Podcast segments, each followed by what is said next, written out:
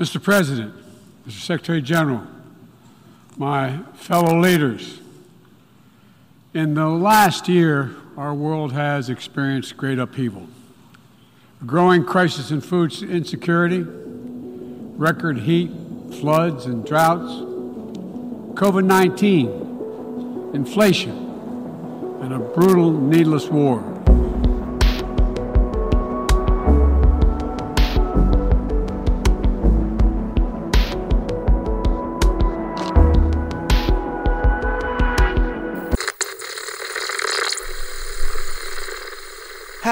Saya Rifan Dwi Astono.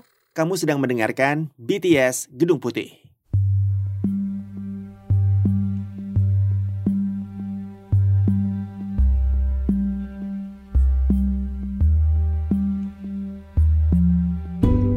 Hai pendengar, welcome to BTS Gedung Putih bareng saya Rifan dan juga ada Patsy di ujung telepon sana. Hai Pets. Hai Rifan, apa kabar? Dan juga pendengar BTS Gedung Putih.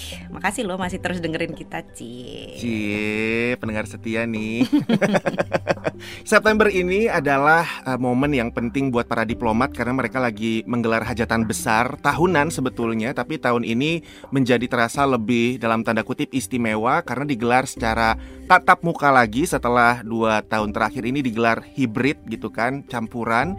Apalagi kalau bukan sidang majelis umum PBB yang digelar hmm. di markas New York.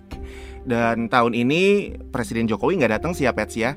Ini gak sebetulnya datang. hal yang apa namanya bukan berita baru lagi karena memang sebelum pandemi pun Presiden Jokowi nggak pernah datang secara langsung sih selalu diwakili sama zamannya Yusuf Kala jadi wapres ya Yusuf Kala gitu kan tahun ini yeah. yang datang de untuk mewakili delegasi Indonesia Bu Retno Marsudi gitu kan. Kayaknya kalau Pak Jokowi memang nggak suka ya kalau yang terlalu besar-besar kayak gitu, hmm. gitu yang yang agendanya general kalau aku baca sih kayaknya memang nggak suka dia untuk forum-forum yang terlalu general kayak gitu. Lebih suka forum-forum iya, yang yeah, yeah. ya ada proyeknya lah ya, you know, yang kayak misalnya G20 yang langsung spesifik tentang uh, ya kerja-kerja kerja gitu kan sesuai dengan konsepnya. Betul betul betul kalau dilihat sih memang kayak gitu nih pola-polanya. Nah, tapi kayaknya di tahun ini sebetulnya yang uh, menarik dari perhelatan sidang umum PBB ini tentunya adalah perang Rusia di Ukraina yang udah dimulai dari Februari kemarin ini, Februari lalu, tujuh bulan terakhir ini sudah terus berlangsung perang di Ukraina dan ini menyedot perhatian seluruh dunia. Kayaknya nggak ada hari tanpa kita ngelihat berita soal perkembangan terbaru dari Ukraina ya, Pets. Betul. Selalu ada berita soal mungkin penjatuhan sanksi baru atau mungkin ada wilayah yang diduduki lagi atau justru direbut balik sama Ukraina. Nah, hmm. di sidang umum PBB kali ini ini jadi sorotan utama juga apalagi beberapa jam sebelum para pemimpin dunia itu ngumpul di New York Presiden Rusia Vladimir Putin ngeluarin pernyataan berikut ini nih. И при угрозе территориальной целостности нашей страны для защиты России и нашего народа мы безусловно используем все имеющиеся в нашем распоряжении средства. Jadi Presiden Putin bilang pada dasarnya adalah bahwa kalau misalnya wilayah kami terancam, bangsa kami terancam, kami nggak bakal ragu-ragu untuk mengerahkan semua kekuatan dan itu diinterpretasikan oleh banyak orang ya termasuk kekuatan nuklirnya Rusia juga. Dan dia bilang ini bukan gertakan. Beneran pets. Itu bukan gertak sambel. nah ya nggak tahu ya. Untung sampai sekarang kita masih belum tahu apakah itu gertak sambal atau tidak. Tapi yang jelas kita harus waspada. Ya kan? hmm. Ya kan yang namanya ancaman nuklir itu mau gertak sambal mau enggak, it's still a really big concern karena yang namanya serangan nuklir itu tentunya tidak bisa dibatasi hanya ke bagian yang diserang saja, tapi seluruh dunia pasti juga akan kena. So, hmm. a couple of things terkait dengan um, pernyataan Putin mengeskalasi konflik di Ukraina secara drastis ini dan dampaknya terhadap sidang umum PBB tahun ini 2022. Ketika mau memasuki sidang umum PBB, pemerintahan Joe Biden dan juga para sekutunya pihak barat itu menyadari betul yang namanya konflik fatigue atau kemalesan, keletihan para negara-negara PBB yang lain terkait dengan perang Ukraina ini. Kok kayaknya fokusnya itu itu hmm. terus kayak nggak ada konflik lain aja di dunia ini, kayak nggak ada kesengsaraan lain aja di dunia ini, kayak nggak ada masalah lain aja di dunia ini, begitu kan? The rest of the world sepertinya hmm. melihatnya ini adalah ya ini perangnya Barat lah, perangnya Barat sama Putin ngapain juga lu bawa-bawa ke kita? Ada sense seperti itu. Kalau dari pembicaraan hmm. saya dengan uh, beberapa sumber diplomatik. Tapi kemudian pemerintahan Biden dan para diplomat barat lain mulai mendengar keluh kesah ini dan berusaha menanggapinya dengan membuat dua fokus titik besar untuk sidang umum PBB. Yang pertama adalah food security, ketahanan pangan. Yang kedua adalah health security, ketahanan uh, infrastruktur kesehatan. Ketahanan pangan kenapa penting? Karena disadari betul akibat pandemi dan juga diperburuk dengan uh, perang di Ukraina ini, ya kan? Karena kita tahu Ukraina dan juga Rusia itu adalah termasuk lumbung gandum, bukan cuma gandum kalau hmm. Ukraina gandum, tapi juga Rusia itu lumbung pupuk untuk dunia. Jadi kekurangan pupuk, kekurangan gandum itu mempengaruhi seluruh dunia termasuk krisis Indomie di Indonesia. Bener. Yang amat sangat penting. Bisa menggulingkan pemerintahan. jadi harus diperba Gimana dong? Anak kuliah kasihan. Uh, jadi harus segera ditangani. Jadi jadi itu satu, food security itu menjadi hal penting yang bagi pemerintah barat itu adalah semacam apa ya, logical link yang bisa membuat negara-negara lain sadar bahwa eh yang namanya krisis Ukraina ini bukan cuma masalah kita doang sebab kita tahu dampaknya ke mana-mana dampaknya ke ketahanan pangan. Yang namanya um, tujuan PBB untuk menghilangkan kelaparan di dunia tahun 2030 itu udah jelas tidak akan mungkin tercapai. We are off track hmm. untuk menangani hal itu. Menurut program pangan dunia misalnya, sekitar 830 juta warga dunia itu setiap hari tidur dalam kondisi kelaparan. So, world hunger is a real thing dan itu yang ingin difokuskan oleh pemerintahan Biden satu. Yang kedua adalah health security global fund ini untuk uh, um, menangani berbagai penyakit bukan cuma COVID ya tapi juga HIV AIDS, kemudian uh, malaria, hmm. tuberkulosis itu juga menjadi perhatian penting karena ini sekarang adalah tahun untuk um, meningkatkan kembali tabungan dunia untuk menangani hal-hal tersebut yang diperlukan 18 hmm. uh, miliar dolar untuk tiga tahun ke depan Amerika Serikat sudah menjanjikan 6 miliar dolar. So those are the two big things wow. ya kan agenda besar pemerintahan Biden. Excellencies, ladies and gentlemen, it is my pleasure and honor to declare open the 77th regular session of the General Assembly and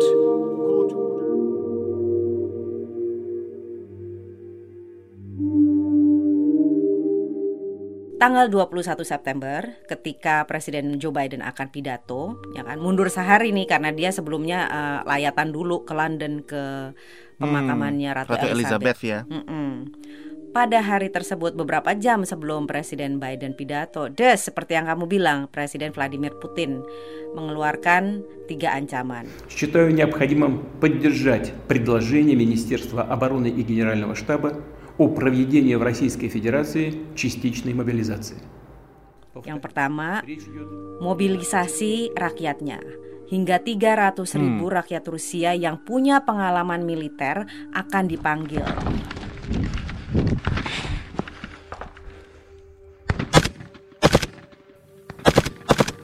Dan ini pengalaman militer jangan salah ya, semua laki-laki di Rusia itu at some point in their mm -hmm. life kalau nggak salah umur 18 sampai 25 tahun ya itu harus uh, wajib militer satu tahun.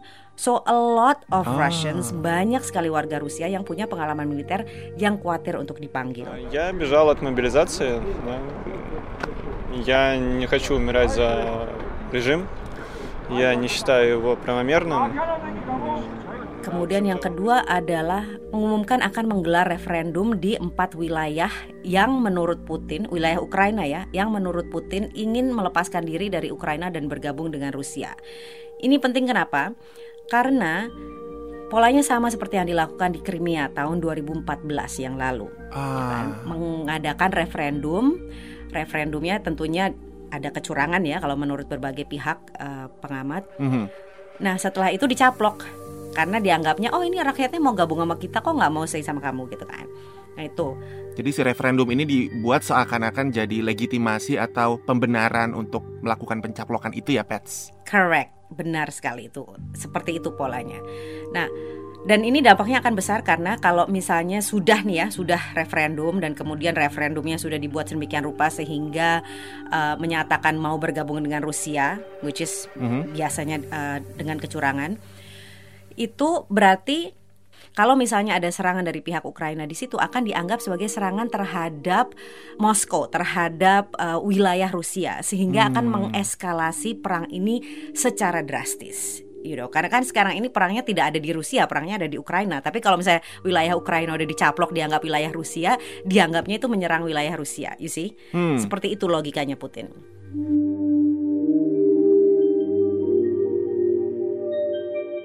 Nah, itu dua. Oke. Yang ketiga adalah ancaman dia untuk menggunakan semua opsi termasuk senjata mu- nuklir. Dan dia bilang sendiri, this is not a bluff. Hmm. Это не блеф.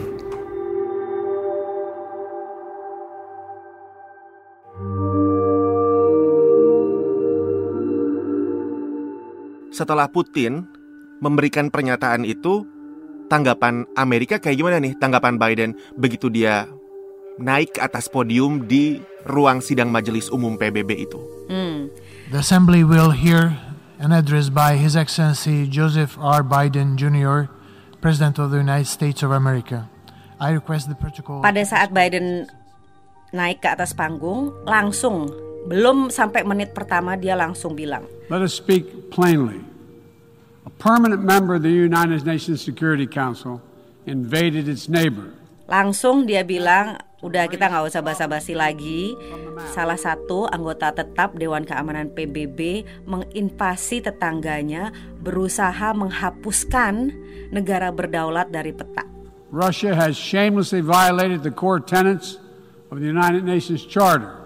Russia has shamelessly violated, sudah melanggar salah satu prinsip utama piagam PBB, yaitu tidak boleh mencaplok wilayah sesama.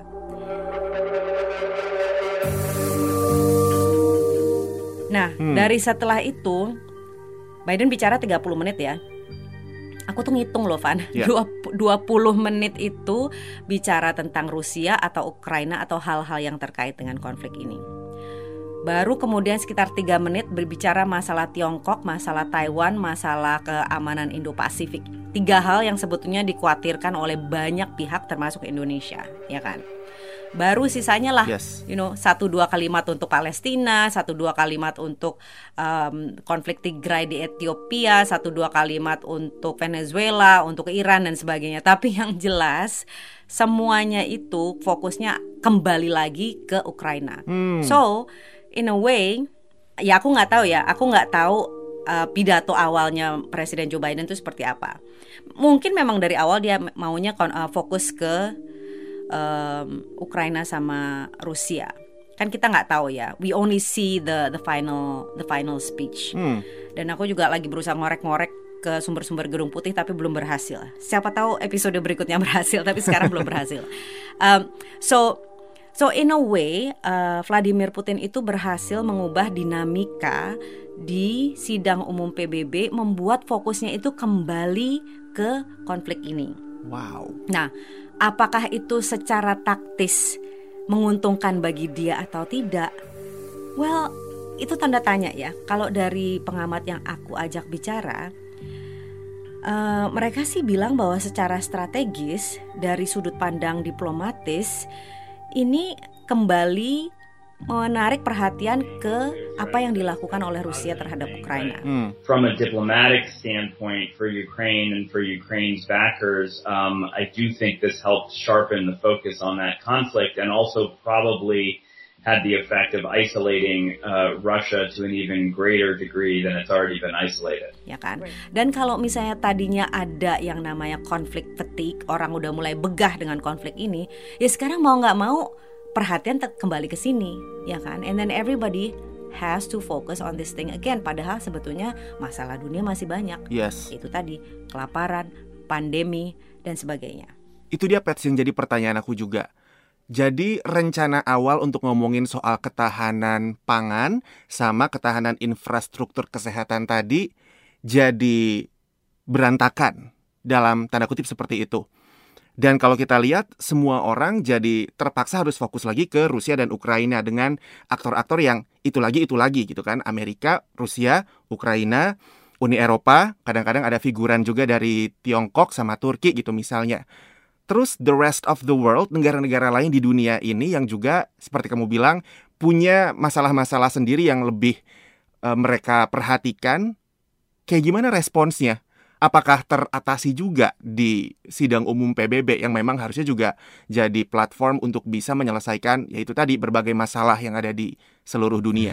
Kalau agendanya sendiri sih sebetulnya tetap jalan ya Van ya. Hmm. Yang namanya sidang umum PBB itu kan cara cara berfungsinya itu kan ada meeting-meeting sampingan, yes. terus kemudian ada kelompok kerja, ada dan sebagainya. Itu sih semua tetap jalan. Jadi tetap ada KTT ketahanan pangan yang dituan rumahi oleh Amerika Serikat.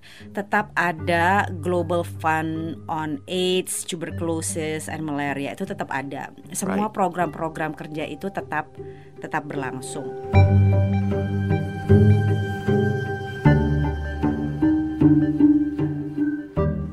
However, fokus utamanya di sidang umum PBB-nya sendiri, di pidatonya lah, hmm. di level pidato. Jadi di level apa ya, top of mind people ya kan karena kita kan masyarakat not necessarily tahu kan kerjanya diplomat ngapain aja kita cuma paling kalau iya nonton pun nonton pidato-pidato uh, presidennya dan apa yang diberitakan. Yang ada di panggung utama gitu ya. Iya, dan juga apa yang diberitakan oleh media gitu. Jadi fokusnya ke situ. Hmm. However, um, program-program tetap jalan dan juga yang menarik untuk diperhatikan sebetulnya adalah di uh, di belakang layarnya ya kan. Di belakang layar ini kita mulai melihat misalnya negara-negara besar yang tadinya dianggap either condong ke Rusia atau netral, condong ke Rusia misalnya Tiongkok, hmm. netral atau ingin berusaha tampak netral misalnya India, itu sudah mulai menyuarakan kegelisahan mereka juga kepada Vladimir Putin dan mengatakan aduh hmm. udah deh lu ngapain sih ini sekarang kita juga udah mulai udah mulai bermasalah nih ini your thing ini udah mulai mengganggu kami seperti itu kan disampaikan oleh hmm. pihak Tiongkok dan juga oleh Perdana Menteri India Narendra Modi. आज का युग युद्ध का है नहीं और हमने फोन पर भी कई बार आपसे इस विषय में बात की है कि डेमोक्रेसी और डिप्लोमेसी और dialogue Dan kayaknya ya Indonesia juga termasuk jadi negara yang harus tetap mantengin juga nih perkembangan situasi di Ukraina dalam perang antara Ukraina dan Rusia ini ya Pets. Dan kemarin memang dari pihak Kemenlu sendiri, Kementerian Luar Negeri Republik Indonesia juga udah bilang bahwa ya mereka juga pastinya tidak mau dong ya Putin sampai harus uh, apa namanya melancarkan senjata nuklirnya dalam perang ini. Kita semuanya berharap tidak ada pengambilan keputusan yang kemudian menciptakan kehancuran karena penggunaan senjata nuklir dalam konflik. Sudah ada pengalaman di masa lalu bagaimana kehancuran yang ditimbulkan oleh penggunaan senjata nuklir dalam perang dunia kedua dan kita tidak ingin terjadi. Jadi gimana nih Pets kalau kayak gini ke depannya? Pusing ya. Kayaknya bukan makin beres malah makin ruwet. Well, you know how it is. Yang namanya diplomasi internasional itu kan ya memang begini ya, ujung-ujungnya pusing-pusing juga. But the point is, seperti kata Winston Churchill, it's always better to jojo than to war-war. Dalam arti, ya meskipun hasil obrolan kita belum tentu ada hasilnya, yang penting kita ngobrol dan bukan berperang, gitu kan. So, what is next? Hmm. Ini akhirnya uh, kalau dari sudut pandang Indonesia dan juga sudut pandang Amerika Serikat uh, dan negara-negara 20 ekonomi terbesar di dunia tentunya ini akan kemudian meruncing lagi kan untuk dibawa ke forum dalam dua bulan lagi yaitu KTT G20 di Bali. Asik, Patsy pulang kampung. Ihi. Asik. Dibayarin kantor. Jadi isu isu perang Ukraina, isu ketahanan pangan, isu uh, uh, recovery post pandemic dan berbagai isu-isu global lainnya akan dibahas dalam kerangka yang lebih kecil yaitu G20 Indonesia menjadi tuan rumah Amerika Serikat. Sampai sekarang Presiden Joe Biden belum bilang dia akan datang loh ya dia masih gengsi. Hmm. uh, karena mau minta jaminan dulu bahwa um, siapa Vladimir Putin tidak akan datang tapi kalau feeling aku sih pasti datang lah. Nggak mungkin Presiden Joe Biden nggak datang. Karena kalau dia nggak datang ya tentunya Presiden Tiongkok Xi Jinping yang akan berkuasa dan pastinya dia nggak mau dong seperti itu. So hmm. isu imbas perang Ukraina dan dampaknya terhadap ekonomi dunia akan menjadi isu utama di G20 ini. Dan inilah uh, menjadi apa ya tantangan bagi Indonesia untuk bisa menavigasi berbagai kepentingan barat ya. Amerika Serikat, Uni Eropa, uh, sekutu-sekutunya seperti Jepang, Korea Selatan dan sebagainya dengan the rest of the G20 termasuk India, Saudi Arabia, Meksiko, Brazil dan sebagainya. Yang sebetulnya aduh udah deh gue nggak mau terlalu pusing nih sama si Vladimir Putin ini. Maunya apa? Yang hmm. penting you know world economy is functioning kita bisa ngasih makan rakyat kita dan sebagainya. So this this is going to be a very interesting G20 buat saya sangat interesting dan juga sangat menyenangkan pastinya karena bisa ada uh, you know sambil di sela-sela liputan barangkali bisa ke spa dan pijet-pijet kerimbat-kerimbat sebentar. Berharap. Uh, bisa pulang kampung setelahnya. So it's going to be very interesting and and, and a lot of issues to look at. So selamat bersiap-siap Pepsi. Jangan lupa makan sate lilit ya. Nah, itu barangkali kalau misalnya disodori sate lilit, para pemimpin dunia bisa langsung nyes gitu kan. Wah, you know lawar Bali, makanan Bali, terus know degung Bali dan sebagainya. Siapa tahu bisa membuat mereka kondusif untuk membicarakan masalah perdamaian dan pemecahan masalah global yang lainnya. Amin.